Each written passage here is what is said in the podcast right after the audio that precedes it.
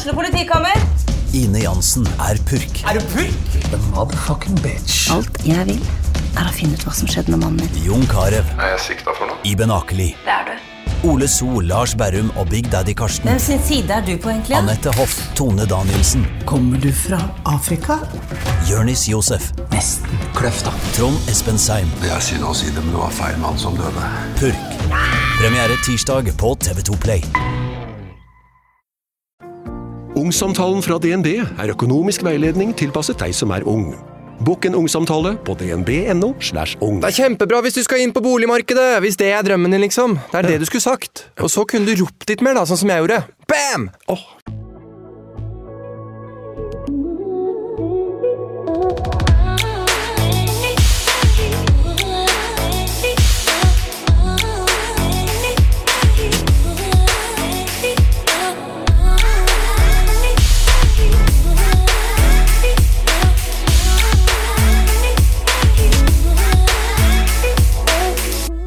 Livet var kanskje på sitt fineste, kuleste og beste da Ingrid fikk sjokkbeskjeden. Hun hadde nettopp kommet hjem fra TV-innspilling, hun var nyforelska og hadde fått seg kjæreste. Det hele begynte med at mammaen til Ingrid fikk vondt i magen på ferie. Ingrid sa til mammaen sin at hun skulle prøve å gå på do og slappe av, men det hjalp ikke. Til slutt så klarte ikke moren engang å gå på do, og hun oppsøkte lege. Da fikk hun beskjed om at det var funnet to syster på størrelse med to tennisballer på den ene eggstokken. Ingrid, som aldri hadde hatt det bedre, og som egentlig lurte på hvor mye bedre livet kunne bli, fikk sjokkbeskjeden, og hun brukte lang tid på å skjønne alvoret. Mammaen hennes hadde fått kreft. Selv har jeg forestilt meg scenario flere ganger, og hver gang så konkluderer jeg med at eh, det ikke kan skje. Jeg orker ikke, jeg vil ikke, det kan bare ikke skje. Allikevel så skjer det, med altfor mange, med mennesker vi er glad i, som vi bryr oss om, og som vi egentlig ikke skjønner hvordan vi skal klare oss uten. Ingrid klarer ikke å tenke på hvordan livet er uten moren sin, men både hun og moren har bestemt seg for én ting. Denne kampen skal de vinne. For meg så var jo livet på sitt aller beste. Mm. Jeg reiste til Mexico, ante fred og ingen fare og tenkte at nå skal liksom livet mitt bare rocke, og jeg skal ha det sykt bra og leve livet og kose meg. I utgangspunktet så ville jeg jo ikke være med på Paradise Hotel, men jeg ble med pga. at jeg trengte en liten forandring og hadde lyst til å gjøre noe kjekt. Um, oppholdet i Mexico var jo for min del ekstremt bra. Jeg møtte jo en gutt som jeg ble veldig forelska i, og som betydde masse for meg der i, på hotellet, da. Så um, ja, jeg ville egentlig ikke reise hjem når innspillingen var ferdig engang, for jeg hadde det så bra der og da. Jeg Klart det var jo litt negative ting og sånn også som skjedde i Mexico, og som påvirker deg og sånn, men du er på en liksom ganske kule tid i livet akkurat der og da. Um, og så var jo det et opphold på to måneder, vekk fra familie og venner, og du hadde ikke tilgang til mobil, så jeg kunne ikke bare ringe hjem hvis det var noe og sånn. Um, så husker jeg veldig godt når jeg kom ut av hotellet og vi fikk tilbake mobilene, at shit, jeg har faktisk savna familien ganske mye, og det var digg å få mulighet til å snakke med dem igjen, og jeg hadde så masse kult å fortelle til dem, alt sånn ja, alle de kule tingene som hadde skjedd der inne, og de nye opplevelsene, og ja, alt var bare så spennende, så ja.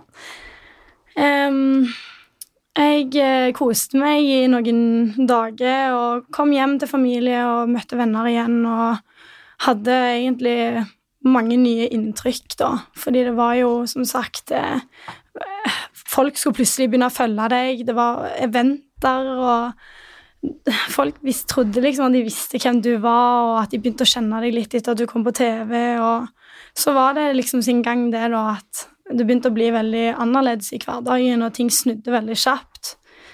Eh, og jeg likte egentlig den forandringen litt. Jeg har liksom Jeg tror jeg hadde behov for å ja, bare gjøre noe kjekt, og at jeg kunne på en måte begynne å uttrykke det jeg mente, følte og kjente på gjennom blogg og sånne ting. Um, og så var det jo det da at eh, ja, tida gikk, og jeg skjønte at eh, ja, ting var veldig bra. Eh, og så husker jeg at mamma og pappa skulle på ferie til Maldivene. Og dette her var jo bare knapt to-tre dager, jeg husker ikke nøyaktig, men det var et par dager etter jeg kom hjem fra Mexico. Um, det var liksom ja, det var, Da hadde jo jeg fått møtt dem og snakket med dem litt, så jeg tenkte at dette er sikkert kjempekjekt for de to å reise på ferie, og det er jo ikke noe de liksom har gjort så mye av før. Og så var det en ja, fin plass, og jeg tenkte at nå kommer de til å kose seg. Um, jeg var jo hjemme og levde livet mitt og ante fred og ingen fare, og så um, begynte mamma å snakke om at hun hadde fått litt hovne bein på flyet, og begynte å få vondt i magen og sånn på turen med pappa i Maldivene. Eh, jeg tror hun hadde mistanke om at her er det noe som ikke er sånn som det skal være. Men så tror jeg òg at hun lente seg litt på at det kan kanskje ha noe med en tidligere operasjon som hun har hatt, og at det kan være komplikasjoner, eksempel, eller Ja, så hun tenkte nok ikke så mye mer over det da. Men hun klarte jo selvfølgelig ikke å kose seg på samme måte på turen, for hun hadde så vondt. Um, flyet hjem, eller når de skulle fly hjem, da, så snakket jeg med mamma og snakket litt om hvordan hun hadde det, og hvordan de hadde hatt det, og da fortalte hun at hun hadde hatt vondt i magen og var hoven i beina, og jeg begynte å tenke litt sånn hm, jeg, jeg, har jo gått et og et halvt år sykepleierutdanning, så jeg begynte jo å tenke på sånne symptomer og alt sånt der. Men eh, jeg tenkte ikke noe mer over det etter hvert, og så kom jeg hjem, og ja, det var Eh, ikke så veldig lett eh, da, akkurat, for eh, det som skjedde, var jo at eh, mamma klarte jo ikke å gå skikkelig på do når hun kom hjem, og hun skulle prøvde og oppdaterte jevnlig liksom at det, det, var litt rart, dette her, og sånne ting. Um, og så sa jeg til henne at jeg tror du må gå til legen og sjekke, og det var jo flere andre òg i familien som gjorde det, da. Um, det hun gjorde da, var at hun reiste inn til en gynekolog Um, og der sjekket de uh, altså livmor, eggstokker og de um, organene der, og fant vel ut gjennom um, sånn ultralydgreier at uh, her er det to store svulster på en størrelse med, en med tennisballer. Og akkurat da vet jo ikke jeg hva mamma tenkte, men i hvert fall så var den ene godarta, og den andre var visste, sa de at de ikke visste om han var godarta eller ondarta. Eh, og da blir du jo litt redd, for du vet jo på en måte at hvis den ene de ser at den er godarta, så føler du dine tvil når, du, når de ikke kan si at den andre òg er godarta. Um, jeg tror hun òg fikk ganske mye sjokk sjøl, egentlig, for hun har jo operert eh, et eller annet greier der nede fra før av, sånn på grunn av smerter og sånne ting. Og eh, tenkte nok at det var en komplikasjon, liksom, og det å få den beskjeden er jo ikke noe kjekk i det hele tatt. Um, så det som skjedde videre, da, var jo at uh, mamma, hun um, ringte og fortalte dette her på telefonen, at hun hadde en godarta eh, svulst da, og en ondarta, og at hun måtte inn og sjekke hvordan liksom, om det var kreft, da. Eh, så hun reiste jo inn, og der fant de ut at hun hadde kreft på eggstokkene, um, og at de måtte operere hun for å fjerne disse systene, da. Um, jeg husker òg at mamma grein og var ganske lei seg, fordi at hun visste jo ikke sjøl hvordan dette var, og vi har allerede opplevd kreft i familien, og hun er så unge, og ja, så det var litt vanskelig. Um, og så husker jeg at um, jeg var litt sånn på det at shit, liksom Det gikk ikke helt opp for meg at hun hadde kreft. Fordi jeg har alltid tenkt at det Eller i underbevisstheten min så har jeg sikkert alltid tenkt at det skjer liksom ikke oss, på en måte. Og det tror jeg veldig mange tenker om alt når det kommer til liksom sånne ting. Um, og når hun da sa at hun hadde det, så tenkte jeg først at liksom Hæ? Hvordan går det an? Og så husker jeg at jeg tenkte veldig mye på um, liksom den, Dette kan de bare fjerne, og så er hun frisk. Så jeg hadde jo litt det der håpet om at da fjerner de svulsten som er dårlige, og så eh, blir hun frisk igjen. Um, så etter hvert så la de mamma inn på sykehuset i Stavanger. Eh, de skulle inn med skikulsoperasjon og ta ut disse svulstene på eggstokkene. Em, og jeg husker veldig godt den telefonen jeg fikk bare et par timer etterpå, for jeg satt jo hele dagen og bare trippa og venta på å liksom få en telefon, da. Og da var det jo den eh, beskjeden om at de bare hadde lukket henne igjen, eh, fordi at de fant spredning i resten av kroppen. Så jeg husker jo at det var helt jævlig. Mm. Det var ikke det jeg hadde trodd, for jeg hadde jo lent meg på det med at eh, de kan bare fjerne det, og så blir hun frisk igjen. Så de eh, lukte bare igjen og planla egentlig en ny stor operasjon, da. Og der skulle de jo fjerne ikke bare eggstokkene eller de systene på en måte da, som lå på eggstokken, men de skulle faktisk fjerne livmor, eggstokkene, litt av tunn og tykktarm. Og det var da jeg ble litt sånn Hvor mye spredning har hun egentlig? Det var veldig, veldig, veldig tøft, og eh, jeg husker veldig godt liksom den situasjonen der alt bare var kaos, folk grein. Jeg visste ingenting, jeg følte ikke jeg hadde fått noe informasjon. Så hadde jeg liksom, prøvde jeg alltid å trøste meg selv med at her er det et håp, og det har jeg ennå, men at her er det et håp, liksom. Og resten av familien min var litt sånn nå må du forberede deg på det verste. Og jeg husker jeg ble forbanna og tenkte hvordan kan dere si noe sånn, liksom? Det har jo ikke skjedd ennå. Så det har liksom vært min greie, da, at jeg alltid har tenkt at her er det noe håp, og at liksom å ta en ting om gangen, da. Um, de opererte jo henne uh, ganske kjapt etter de hadde funnet ut av det med spredningen. Og jeg husker at uh, hun hadde så sinnssykt mye smerte. Jeg har aldri sett mamma ha vondt, for hun har alltid vært et liksom, menneske som bare jobber hardt og kjemper på og skal liksom Aldri om hun var syk og vekke fra jobb. Så det å se at hun grein og vrengte seg i smerter, og det var egentlig ganske tøft. Um, og jeg husker liksom at Jeg husker når meg og broren min og pappa sto med hun kontaktsykepleieren og overlegen og sånn, og de sto og skulle snakke litt rundt dette her med kreften og sånn, men vi ville egentlig bare svare på hvor lang tid det er igjen. Så da husker jeg liksom at eh, eh, broren min spurte hun legen om liksom, kan du bare si hvor lang tid det er igjen, for dette her, det her er, det er vanskelig, liksom, og er det sånn at vi har en måned, eller har vi flere år, og sånn? Um, og da husker jeg at de sa liksom at det kan de ikke svare helt skikkelig på, fordi at det, det er så variert. Men de sa at de, sånn, de fleste har liksom sine fire-fem år, liksom. Og det var jo vanskelig, for det er jo Du vil jo på en måte ha mora di der, da. Um, så jeg husker at uh, jeg ble ganske sur, men uh, så gikk jeg inn til mamma og snakket litt med hun og lå på siden av hun i sykesenga og sånn. Og så spurte jeg jo liksom, for jeg tenker sånn Hvis det hadde vært meg, så var i den situasjonen, så ville jeg at folk skulle visst hva jeg var redde for òg, liksom, og litt sånn Ikke bare sånn 'Dette kommer til å gå bra', for det vet vi jo ikke, men jeg spurte henne liksom 'Hva er det du er redde for?' Og det svaret jeg fikk da, det så Det kommer jeg aldri til å glemme, men da sa hun liksom at hun var redd for å Hun var ikke redd for å dø. Nå vil jeg jo grine. Det går bra. Men Det gjør jeg jo. Ja, hun var ikke redd for å dø, men hun var redd for å gå glipp av eh, minnet som framtida har, liksom, da. For eksempel om jeg kan skifte meg en dag, eller hvis jeg skal få unger, og da gikk det liksom opp for meg at jeg vil jo ha henne her, liksom, og jeg har lyst til at du skal være med meg på de tingene.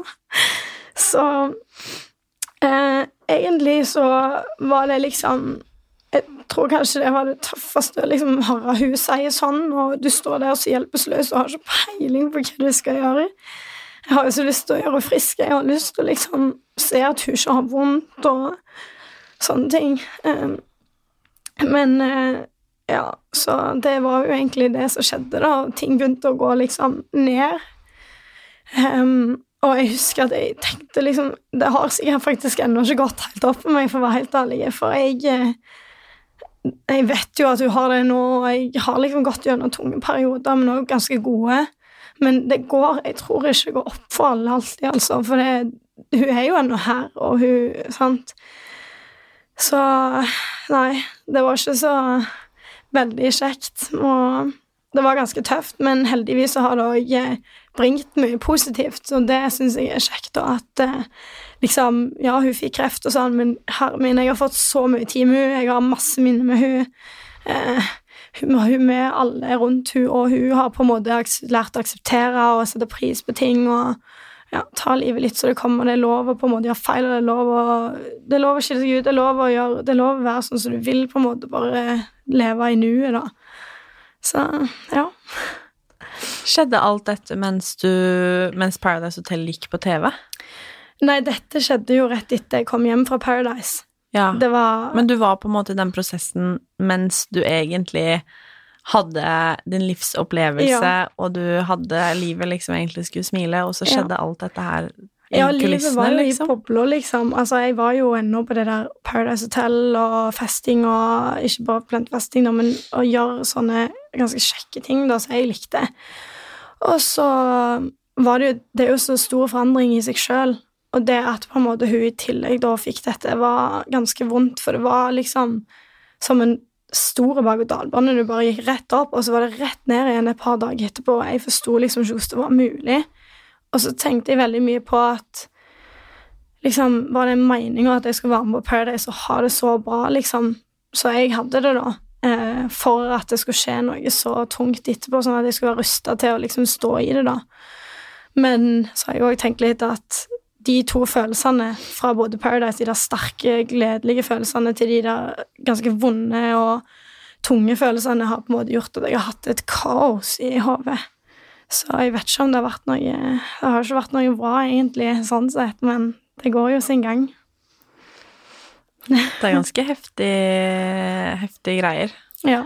Og jeg bare Det er litt rart å tenke, med, eller tenke på, fordi sånn som Jeg tror veldig ofte at man glemmer eh, Sånn som for, hvis man nå ser noen på TV, for eksempel, og man ser hvor kult noen har det, og man ser på Instagram hvor kult noen har det, at man kanskje glemmer at de er ganske mye mer enn det. Ja. Og det var jo akkurat det som skjedde i livet ditt. Mm. At du hadde det ene øyeblikket, så hadde du eh, verdens beste liv, Ja. og neste øyeblikket så var alt liksom helt mørkt, liksom. Mm, det, var, det var jo sånn det var, og jeg merka jo òg det veldig godt på en måte når jeg Altså, Paradise Hotel hadde jo sine ting, og så kom dette her som et på en måte sjokk etterpå. Det var jo Nei, jeg syns ikke det var noe Det var ganske tungt. Men hvordan påvirka det deg, eh, denne Altså, du, som sagt, du var Du begynte liksom å Plutselig skulle du være kjendis, og du var, hadde akkurat fått deg kjæreste. Altså, hvordan påvirka situasjonen deg? Det gikk jo utover mye. Jeg husker at jeg delte jo ikke om kreften før en stund etterpå. Eh, For jeg visste at folk kom til, og jeg tenkte i hvert fall at nå kommer folk til å det, det kom til å bli for mye for meg, for noen kan skrive drit, sant. Så jeg lot være en liten stund. Um, for jeg var litt usikker på responsen, og i utgangspunktet så er det ganske tøft, så du må jobbe med hva du sjøl føler og tenker i den situasjonen. Og så var det jo òg det at jeg hadde jo avstandsforhold med Erik på den tida. Så jeg husker at det, det, var, det var ganske vanskelig, for når jeg trengte liksom å ha den personen der, da, så, så var, det, var det veldig vanskelig å få på en måte den muligheten, da. Eh, og så når vi tenker på, på en måte dette her med å være, altså, leve litt i den Paradise-boble-greiene, så var jo han òg inne på Farmen. Eh, så jeg hadde jo ikke kontakt med han som da var kjæresten min. Em, og familie alle, alle var liksom så langt nede i sine egne greier at det var Det påvirka på en måte meg Jeg vil si at det påvirka meg ganske tungt, men samtidig så føler jeg at jeg var den som hadde, og som ennå har liksom det At jeg tror ennå at det kan gå, men hvis det ikke gjør det, så gjør det jo ikke det. Hvordan gikk det utover forholdet ditt? Mm, jeg syns jo at det, det gikk Det gikk ganske dårlig utover vårt forhold, fordi at i utgangspunktet så var det ganske vanskelig å være et offentlig kjærestepar plutselig. Jeg hadde jo aldri vært med på noe sånn. Uh, og det var mye oppmerksomhet fra alle kanter i utgangspunktet, og så var det den avstanden. Um, og når mamma da ble eh, syk, så kjente jo ikke han heller henne skikkelig, for sant, dette her skjedde jo rett etter Mexico. Eh, så jeg husker at det, det tærte på forhold og sånn, men eh, støtte fikk jeg jo for all del. Det, det gjorde jeg jo. Så ja. Jeg tror det påvirker ganske mye forhold og Sånn, og jeg tror det er viktig å være åpne og snakke om det og liksom prøve å forstå hverandre og sånn. Tror du at det var en av grunnene til at det liksom ikke fungerte? At det ble slutt? Uh, ja, det var jo litt av grunnen, men det var absolutt ikke hovedgrunnen. Så jeg er jo på en måte Jeg er glad for at det liksom ikke var det at mamma fikk kreft som gjorde at det ble slutt, for jeg syns jo at det er jo livets gang, og det skjer liksom i så mange familier, så det er jo viktig å være sammen på den tida, men det var andre ting som skjedde akkurat der, så da Det er liksom en annen sak, på en måte, så jeg er glad jeg ikke Ja, jeg håper Hvordan har eh, prosessen liksom vært med moren din nå? Hvordan har hun det den dag i dag? Og hvordan har liksom Hvordan er veien til fra Det blir jo ett og et halvt år Mm. til uh, i dag? De, det ett og et halvt året har jo gått fort, syns jeg. Og når jeg tenker på litt sånn hvor lenge folk liksom har den sykdommen før det kanskje ikke er sånn lenger, og jeg vet at det høres helt sykt ut, men det er liksom sånn du tenker. I hvert fall jeg. Og da er det sånn at de, de ett og et halvt år har gått ekstremt fort. Og for meg så har det Jeg føler at det har gått hvert fall fort, for det er noe som har skjedd i et bankende hele tida, fra å reise til å holde på med ja, alt mulig, alt mulige greier. Så jeg syns det har gått fort, men samtidig så har jeg òg vært glad gjennom det ett og et halvt året for å se på en måte hvordan hun har det, og at hun har det bra, for hun Jeg, jeg merker nesten ikke at hun har At hun er syk, og det skremmer meg nesten litt òg, for det, da, det er ikke så lett å liksom tenke hvordan, faktisk hvor syk hun er, da, og at eh, vi må ta hensyn og sånn, men ja, så Prosessen er jo den at hun begynte på cellegift, og det funka ganske bra på henne, og hun har eh, hatt veldig lite bivirkninger. Så mm, det som skjedde etter hvert, var jo at hun fikk veldig fort tilbakefall. Og det er noe du får veldig ofte med ekstra kreft og spredning. Og det tilbakefallet er jo det er jo det at du får på en måte tilbake kreften igjen, da, at du må opp med ny cellegift. Og da kan du ikke ta den samme som før, i hvert fall ikke det de gjorde med hun, for det, du blir jo immune. Så med hun så prøvde de en ny, og det er den hun er på nå. Eh, og nå i det siste så har hun eh, De har vurdert om de skal ta henne av cellegiften, eh, fordi at den, de tar jo noen blodprøver jevnlig for å følge med om cellegiften faktisk funker. Og nå har de på en måte bare steget mer og mer. Altså, det er jo ikke så veldig bra. Og da begynner jo de å lure på om cellegiften faktisk funker, og stille seg spørsmål rundt det. Men eh, vi fikk en telefon, og det var jo at hun får fortsette med den. Og at eh, den markøren eller de der blodprøvene har gått ned igjen, da, så vi får bare krysse fingrene. Hun går i hvert fall på cellegift.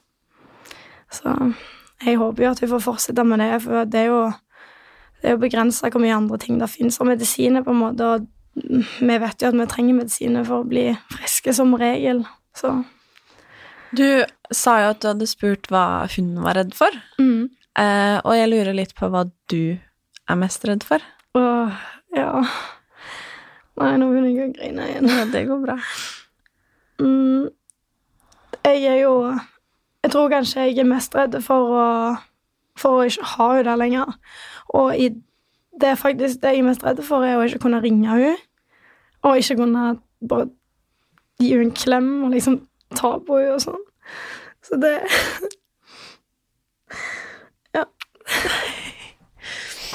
Det høres jo sikkert veldig rart ut, for vi tenker jo ikke på det i hverdagen at jeg er allerede for at det liksom skal skje med Det kan jo skje med hvem som helst av vennene våre og familiemedlemmer, at de plutselig forsvinner eller dør i ulykke eller noe, men når du vet at det er sånne syke, og på en måte at det, situasjonen er sånn som den er, så blir du plutselig redd for sånne ting du liksom ikke tenker at det er gjerne til vanlig, da. Så det å kunne Jeg setter jo veldig stor pris på at jeg kan ringe henne for råd, og at jeg kan komme og gi henne en klem hvis det er noe De tingene der, de tror jeg jeg kommer til å savne mest. Mm. Det skjønner jeg. Ja. Hva har du lært, liksom, om deg selv i den situasjonen her? Fordi jeg kan tenke meg, og man vet jo alle har jo på en måte vært gjennom et eller annet, enten om det er det eller noe annet, og man lærer jo noe av alt, Mm. utrolig nok, selv om det gjør veldig ofte fryktelig vondt. Ja. Og da lurer jeg på hva du liksom har ja, lært om deg selv, da, Mm. i den prosessen her. Jeg har jo Jeg føler at jeg har lært å ta vare på de som betyr noe for meg. At jeg fokuserer enda mer og litt ekstra på de som er meg nært, og så prøver å sile vekk litt av det som ikke er bra for meg. For jeg merker at tida går, og det kan liksom skje Ting kan skje med hver eneste person der ute som vi ikke vet om, men alle går jo og tenker det der at det skjer på en måte ikke meg, eller vi tenker ikke over konsekvensene, og det er jo sånn sett bra, men eh, jeg tror egentlig at jeg har lært at jeg eh, skal leve litt i nuet, og eh, så har jeg òg lært at eh, det er så mye jeg har lært, på en måte. Jeg, jeg kommer ikke på noe sånn skikkelig konkret, men det er jo det å ta vare på hverandre, sant. Altså leve litt og gjøre det vi liksom har lyst til. Sånn som mamma sier liksom til meg at eh, Ingrid, jeg håper du gjør de tingene du vil, og at du liksom lærer ut ifra det. Du kan gjøre feil, og det er helt ok. At du ikke blir så Ja. At du ikke tør å ta noen sjanser da, fordi at du er redd for å gjerne gjøre feil, eller ja, at det er skummelt, eller noe. Men vi har jo den tida vi har, så Syns du det er vanskelig å ikke vite om det liksom er et år, eller om det er ti, for den sakens skyld? Ja, jeg syns faktisk det. Eh, og jeg vet egentlig ikke helt hvorfor. Jeg har tenkt veldig mye over det, hvorfor jeg liksom er redd for det. Eh, men jeg, jeg vet ikke helt hvorfor, altså, men jeg tror jeg har veldig lyst til å ha hun med i ting som skjer i livet mitt, som er kanskje litt større enn det vanlige som jeg pleier å gjøre. Og det gjør jo at jeg stresser faktisk litt òg i mitt liv, der jeg tenker sånn at jeg vil jo at hun skal få se mine unger, eller Så det blir litt sånn at jeg Tida er litt viktig for meg, og jeg vil ha henne med i de øyeblikkene så lenge hun er frisk, sant. Og det høres jo litt dumt ut, og noen kan kanskje tenke at men det er feil, på en måte, for jeg skal ikke leve etter det, men jeg bare For meg så er det viktig at hun er der, og det gjør ingenting om det er da eller da ting skjer, på en måte. Så vi skal jo nå eksempel i et bryllup til broren min. um, nå om bare to uker, holdt jeg på å si.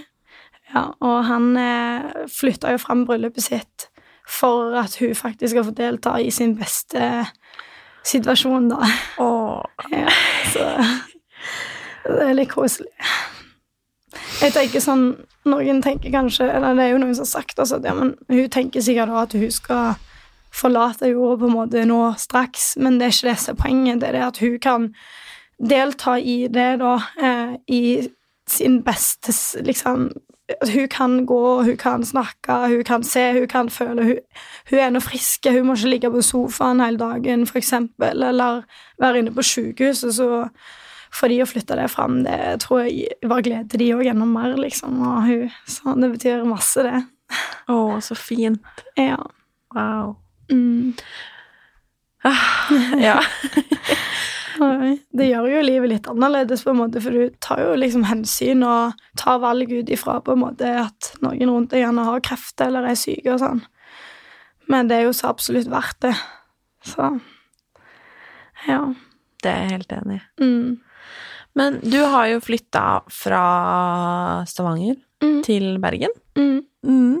for å studere. Ja. Og så har du fått en ny kjæreste. Ja. Ja. det er sikkert det også var med på at jeg liksom Ok, nå, nå bare studerer jeg i Bergen, liksom. Mm. For da hadde jeg jo Jeg møtte jo Henrik um, for et, et par måneder siden. Og siden da så har vi liksom hatt veldig god kontakt, og ja, nå er vi samboere. Det gikk litt fort, men det går bra. Sånn er det. Du har jo tross alt ja. lært at du skal bare hive deg ut i ting og leve i nuet. ja, ikke sant? Det var det første tingen. Ja. Den andre tingen var sikkert at jeg begynte å studere oppi dette, for det er jo, jeg har jo masse å gjøre i hverdagen. Og det er jo en jobb det jeg holder på med med blogg og sånn. Mhm. Men uh, utdanning òg, det er noe jeg har lyst til å ha, liksom. Så da klarer jeg tenker jeg at da skal jeg klare å skvise det inn en eller annen plass. Det er kult. Ja. Det står det respekt av, faktisk. ja, så er det jo bare det at jeg må jo bare klare det, da. Ja, men det Jeg heier i hvert fall. Ja, det er godt. Men har du, eh, siden du på en måte har flytta vekk fra mamma, da, Mm. har du noen gang vært redd for at du på en måte skal gå glipp av eh, hva skal man si, henne, fordi at du har flytta? Ja. Ja, jeg er, jeg er veldig redd for det. Og jeg blir på en måte påminnet òg på sosiale medier at eh, du har jo flytta vekk fra mora di, og hvordan føles det, og har du dårlig samvittighet, og det er så mange spørsmål rundt akkurat det. Og jeg har tenkt mange ganger sjøl òg at fy søren, vil jeg egentlig bo i Bergen? Det var jo ikke et lett valg. Så eh, jeg husker at eh, jeg måtte tenke litt på meg sjøl òg i den situasjonen, for eh, jeg var jo med mamma hver dag på sykehuset og hjemme, og det var mye folk ikke så på bloggen da, for det var For meg så var det veldig viktig å bare være med hun. Det var ikke sånn at jeg trengte å liksom dokumentere hver ting meg og hun skulle gjøre, da, men at der legger jeg det vekk, faktisk. Så får jeg heller skrive eller gjøre noe annet om noe annet på bloggen, eksempel. Eh, så eh, jeg var mye med hun, og vi snakket om dette når jeg skulle ta det valget om å flytte, at liksom At jeg tror jeg hadde godt av det, og jeg tror mamma hadde godt av det, for eh, det er ikke noe Det er ikke bare positivt med å liksom leve oppi folk som er så alvorlig syke heller, og eh, du sitter liksom der og vil bruke all tid og energi på en person, da, og så har du veldig mange andre ting òg du skal gjøre, og jeg husker mamma òg kunne bli sikkert dritlei av meg for det om hun er syk. Sant? Det er jo de der samme problemene når du bor hjemme i tenåra, liksom. Så jeg tror det bare var veldig bra at jeg flytta, og som sagt, jeg hadde nok ikke Jeg tror ikke jeg hadde klart å flytte lenger vekk, eller til et, en plass der jeg må fly i mange timer, eksempel, eller Ja, at det er vanskelig å komme seg der. Og så er det jo litt det med at man ikke skal Selv om man må tilpasse livet sitt, Mm. så skal man jo ikke sette livet sitt på vent. Nei, det er helt sant. Og det vil jeg jo ikke tro at moren din vil heller. Nei, hun, hun vil jo at jeg, Hun er jo sånn Ingrid, nå studer, bare studer og kos deg, liksom, reis, og hun er jo der.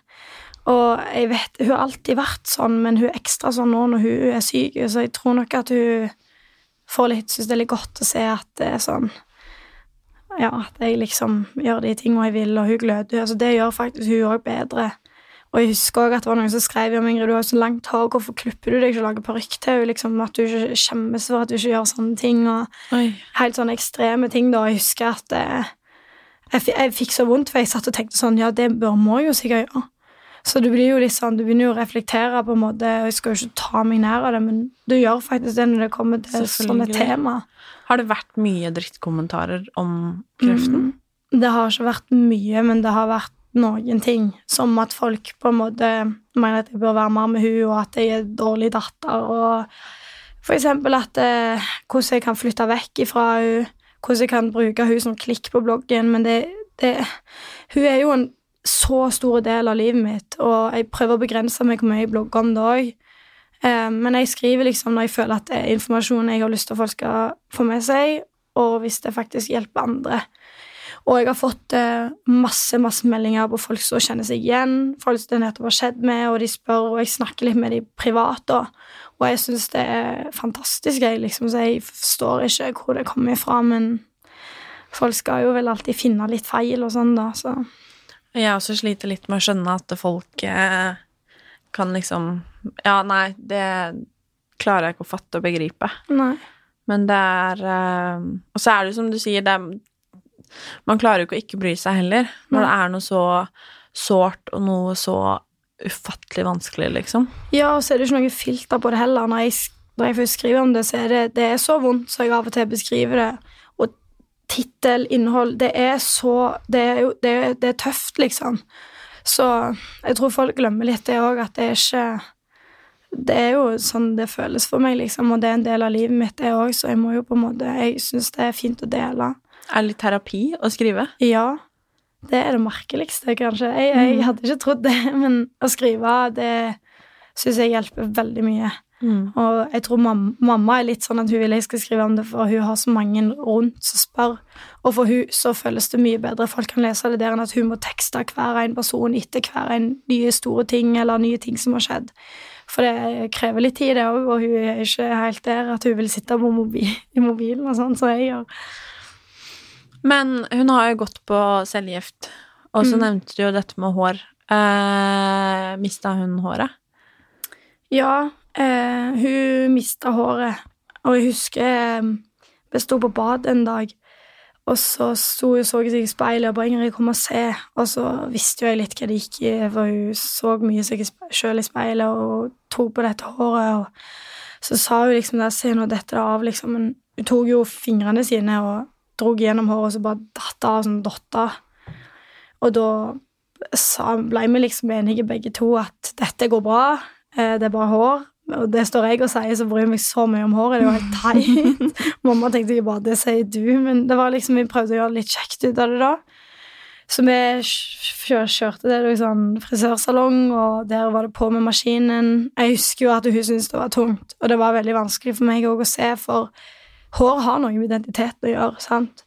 Og for noen er det viktigere enn for andre, men det er jo noe du sjøl har på din kropp, på en måte, og det har jo hun likt å ha, så når maskinen durte, da, og hun ble skalla etterpå, så var det ikke det hun syntes var kulest, men hun kledde det og eide det, og hun kjøpte jo parykk, men hun droppa jo den. Hun ville heller gå skalla, liksom. Og hun gikk ikke med noe sjal, og det er helt ok hvis folk velger å gå med parykk og sånn òg, men jeg syns det var så kult å bare se at hun liksom det, det var det som skjedde med hun, og hun bare eide den situasjonen, da. Og folk kommenterte det litt til henne òg, at jeg syns det var stilig at hun gjorde sånn, da. Så jeg syns hun tok den situasjonen bra. For en tøff dame. ja. Wow. ja. Og det var nesten sånn at når håret vokste ut igjen, så var det nesten sånn ah, Kunne du nesten bare hatt det skalla? jeg ble så vant med det, jeg syntes det var herlig.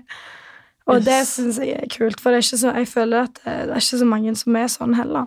Nei, det er helt sant.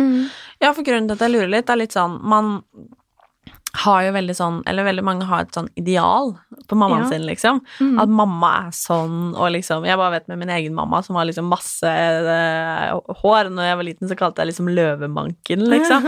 Hun har sånn Altså Jeg husker det så godt, liksom. Ja. Og jeg bare kan tenke meg det der når en du på en måte er så glad i, forandrer seg så mye. Mm. At man liksom kan nesten føle at man mister de litt i forandringen. Mm. Og det er litt derfor jeg spør òg, for liksom syns du at hun, eh, til tross for på en måte sykdommen, da, har forandra seg nå? Hun er jo fortsatt mamma, liksom, så Men det er klart at det kommer jo en del forandringer med sykdommen, og det jeg kanskje merka på hun var jo at kroppslige forandringer At hun gikk opp og ned i vekt, og at eh, Det var egentlig sånne ting, da, men jeg, jeg er litt der at hun er fortsatt mamma, liksom, så jeg klarer å se litt vekk ifra de tingene òg. Men eh, ja, jeg Ja. Men status nå mm. på mamma, hva mm. er den? Du, den er at eh, hun holder seg vel egentlig ganske stabile. Hun er på cellegift type 2 eh, og har hatt et par runder med den. Eh, resultatet holder seg jo stabilt. Jeg skulle jo selvfølgelig ønske at hun ble kreftfri, eh, men så lenge hun har det bra og ikke har vondt, og fortsatt kan gjøre de tingene hun vil gjøre, og gløde og stråle og alt det der greiene der, så er jeg veldig glad. Det svinger jo litt i det her med cellegiften, da, at han av og til en- etter den ene gangen kan være bra, og etter den andre gangen så kan det være dårlig. Altså at det er litt mer kreftceller igjen og litt sånn.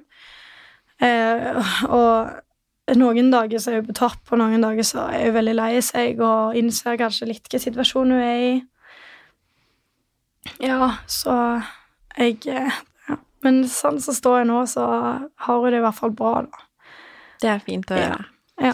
Hvordan eh, introduserer du på en måte kreften for ja, for eksempel Henrik, da, kjæresten din, eller nye bekjente, og det er klart, nå har du jo på en måte vært åpen om det, så det er kanskje litt lettere sånn sett, men hvordan liksom sier man For det er jo en stor del av livet ditt, Mm. og det er litt sånn Det er i hvert fall sånn når man får seg ny kjæreste, skal man hilse på, på foreldrene og liksom Ja. alt det der. Hvordan har det vært?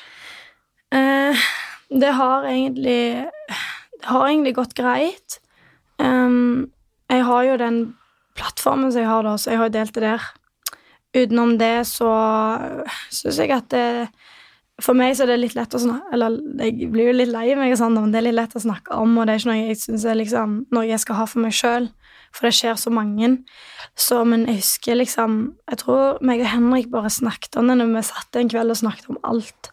Når vi liksom bare åpna oss litt følelsesmessig og bare snakket om, om ting, da. Um, og med venner òg, så er det Det kommer seg bare litt etter hvert du må ha det bli kjent med folk, på en måte. Det er ikke sånn at jeg introduserer meg selv på Hei, jeg heter Ingrid, og mamma har liksom kreft, eller Det går sikkert an å gjøre sånn òg, da, men eh, jeg, det kommer som regel hvis jeg er inne på tema med mødre eller noe, og da gir jeg ofte beskjed ja, mamma hun er syk, liksom. Men det går bra. Og så er det jo folk som spør ut ifra blogg og sånn. Hvis det gir mening. Mm, veldig. ja. Det er jo, som både jeg har sagt og du har sagt, eh, dessverre veldig, veldig mange som på en eller annen måte er ramma av kreft, enten om man er syk selv, eller om man Mm. eh, kjenner noen, eller eh, at man har vært Altså at man har opplevd å miste noen. Mm. Og jeg tror alle er enige om at det er noe forbanna drit. Ja, det suger. Ja. Men da lurer jeg på om du har, som pårørende selv, da, om du har noen råd til de som lytter, som også er pårørende? Mm. Ja um, Akkurat der så Det er jo så mange råd på en måte å gi, men mitt råd er vel kanskje å Hva skal jeg si? Um, jeg har jo, tatt ting som det kommer, og prøvd å liksom ikke tenke så negativt. Eh, så mitt tips er jo vel egentlig å, å prøve å ta ting som det kommer, fokusere på én ting. Um, og heller uh, bruke liksom tid med den personen og sånn. Jeg, jo, jeg er jo redd for at jeg skal angre på at jeg ikke har brukt nok tid. Og nå sitter jeg igjen med en følelse, i hvert fall ennå, at jeg eh, elsker den tida vi har, og sånne ting. Så det òg vil jeg på en måte råde om at liksom Ja. Utenom det, så det er, så det er så vanskelig, for det er så mye jeg har lyst til å si, men jeg bare finner ikke helt fram til det, på en måte. Men eh, ja, og så ta vare på de rundt oss uansett, liksom. Og som pårørende spesielt, så er det òg veldig viktig å ta vare på seg sjøl oppi det hele. At du liksom finner på å sjekke ting sjøl, og at du ikke glemmer deg sjøl helt, og, og blir med sykdommen, på en måte, til den som du kjenner har, som har det, da. Det, det var var fint. Ja. Det syns jeg var gode, gode råd. Ja. Men jeg lurer på en siste ting. For at det er sånn, du vet mor-datter, man kan jo liksom krangle litt, og du vet. og gjør dere fortsatt det, eller er det litt sånn at du er redd for å krangle nå? Jo, du, det Vi har hatt diskusjoner, altså.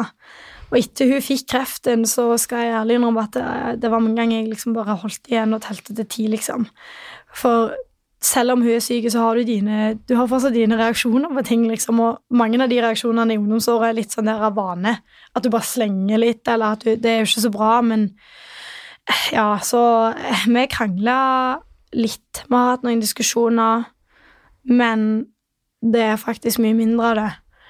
Og jeg, jeg tror ikke jeg kan huske sist vi har krangla, og før hun ble syk, så var det litt mer diskusjoner, det skal jeg ærlig innrømme, for da bodde jeg hjemme, og jeg vasket ikke alltid like godt etter meg sånn. Men nå er det, det er ikke mye krangling, og hvis det er noe, så er det det å sitte og diskutere. Det er vel egentlig det, det vi kan gjøre av og til, liksom. Men jeg tror vi er blitt såpass flinke til å bare Det er jo ofte små ting som blir problem, og de tingene der bare prøver vi liksom å prøve å holde pusten litt. Mm. Er det verdt det? Ja. Ja. Og så får jeg jo ut litt frustrasjon uten at hun, hun ser det, så jeg prøver å gå litt vekk, eller så bare Åh, ja, nei, stakkar Henrik, jeg har sikkert kjefta på han eller fått ut mye frustrasjon, men det er jo ikke på han, da, på en måte. Det er jo bare fordi at jeg vil ikke gjøre det til hun. Så det hender ofte som ikke akkurat krangling, da, men med det å grine og sånn òg. Det er jo en ting som skjer litt oftere enn det gjorde før. For eh, det er jo mange tunge ting å snakke om, og ting som må endre seg og sånn. Og da jo, har jo tårene vært litt sånn med Henrik alene, og mye alene i dusjen, forresten, og så det Ja. Det skjønner jeg godt. Ja. Eh, nå skal jeg stille et siste kjempevanskelig spørsmål. Mm. Og du trenger bare å si to ting, liksom. Eller altså bare si Og det er greit å synes det er vanskelig, men hvis du kan liksom si én ting til mammaen din, Åh, hva hadde det vært? nei, da begynner jeg å grine igjen. Herregud. Um, jeg, jeg har tenkt så mye på det der. Um, Jeg regner nemlig med at mammaen din hører på. ja, det tror jeg. Hei, mamma Ingrid. Men da er nå jeg begynner å tenke på hva jeg vil egentlig si, for det er så mye. Mm.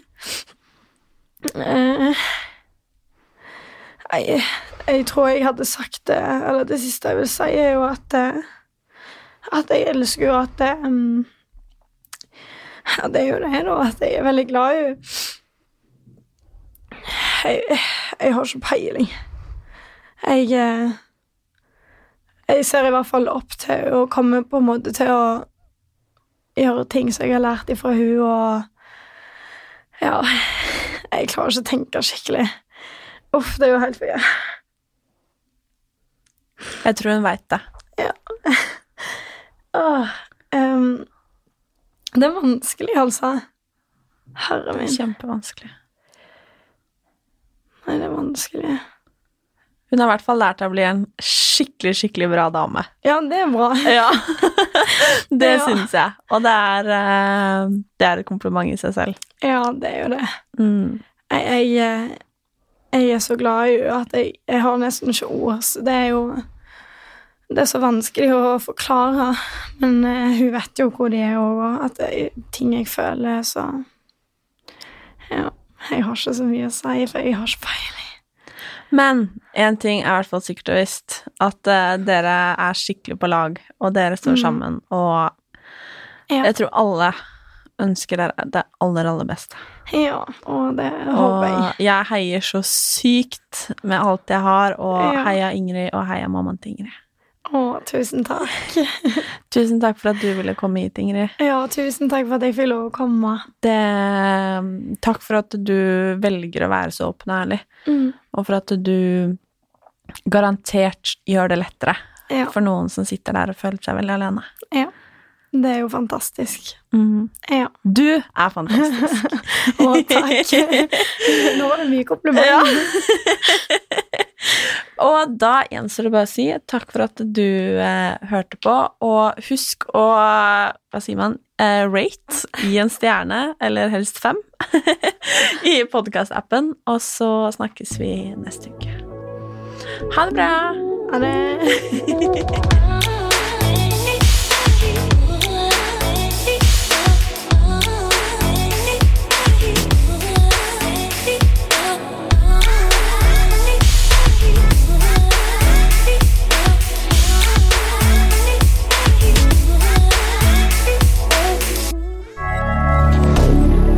Moderne media.